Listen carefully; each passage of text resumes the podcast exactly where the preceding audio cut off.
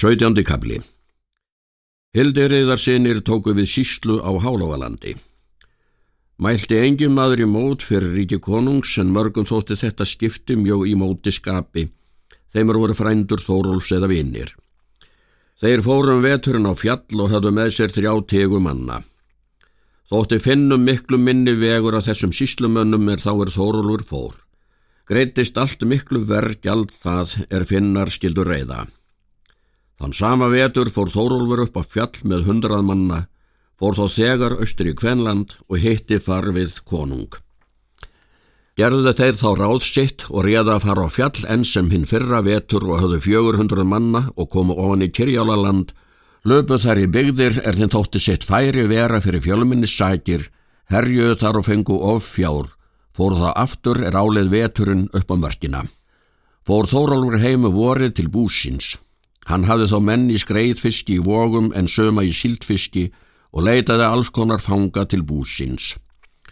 Þórólfur áttu skip mikið. Það var lagt til hafs. Það var vandað að öllu sem mest steint mjög fyrir hún sjó. Þar fylgdi segl stafað með vendi, blám og rauðum. Allur var reyði vandaður mjög með skipinu. Þar skipleitur Þórólfur búa og fekk til húskalla sína með að fara let þar á bera skreið og húðir og vöru ljósa. Þar let hann og fylgja gráfuru mikla og aðra skinnavöru þá er hann hafði haft af fjalli og var það fjö stór mikið. Skepið fíli að hann Þorgil Skjalland að halda vestur til Englands að kaupa sér klæði og önnur föng þau er hann þurfti. Hjeldu þeir skepið því söður með landi og síðan í haf og komu fram á Englandi. Fenguð þar góða kaupstefnu hlóðu skipið með kveiti og hunangi, víni og klæðum og heldu aftur um haustið. Þeim byrjaði vel, komu að hörða landi. Það sama haust fóru hildirriðar sínir með skatt og ferðu koningi. En er þeir reittu skattin af hendi þá var konungur sjálfur við og sá. Hann mælti. Er nú allur skatturinn af höndum reittur sá er þeir tókuð við á Finnmark? Svo er, sögðu þeir. Bæði er nú, sagði konungur. Skatturinn miklu minni og verra af hendi goldin þá er Þórólfur heimti og sögðu þér að hann færi illa með síslunni. Vel er það konungur, segir Hárikur, er þú hefur hugleitt hversu mikil skattur er vanar að koma að finnmörk því að þá veistu gerð hversu mikils þér missið ef Þórólfur eigðir með öllum finnskattinum fyrir eður. Við vorum í vetur þrýr týjir manna á mörkinni svo sem fyrir hefur verið vandi síslu manna. Síðan kom þar Þórólfur með hundrað manna.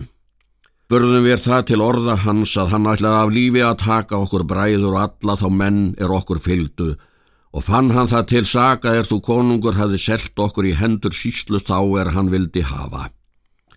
Sáum við þann helst vorn kost að fyrrast fund hans og forða oss og komum við fyrir þá sög skamt frá byggðum á fjallið en Þórólfur fór um alla mörkina með hermanns. Hafði hann kaup öll. Guldu finnar honu skatt en hann basti því að síslumenn yðrir skildu ekki koma á mörkina. Ætlar hann að gerast konungur yfir norður þar, bæði yfir mörkinu og hálágalandi og er það undur er til látið honum hvevetna hlýða. Munu hér sönnvitni til finnast um fjárdrátt þann er Þórólfur hefur af mörkinni því að knörsáur mestur var á Hálágalandi var búin í vor á Sandnesi og kallaðist Þórólfur eiga einn farm allan þann er ávar. Hygg ég að nærværi hlaðin af gráfur og þar hygg ég að finnast myndi bjór og safali meiri en það er Þórólfur ferði þér og fór með Þorgils í Gjallandi. Ætla ég að hann hafi silt vestur til Englands. En ef þú vilt vita sannindi af þessu þá hald til njósnaum ferð Þorgils þá er hann fer austur því að ég heggað ekki á kaupskip hafi komið jafn mikið fjö og vorum dögum. Ætla ég það sannast að segja að þér konungur eigið hvern pening þann er þar var á. Þetta sönnuðu förunautar hans allt er Háregur sagði en hér kunnu engir í mótið mæla.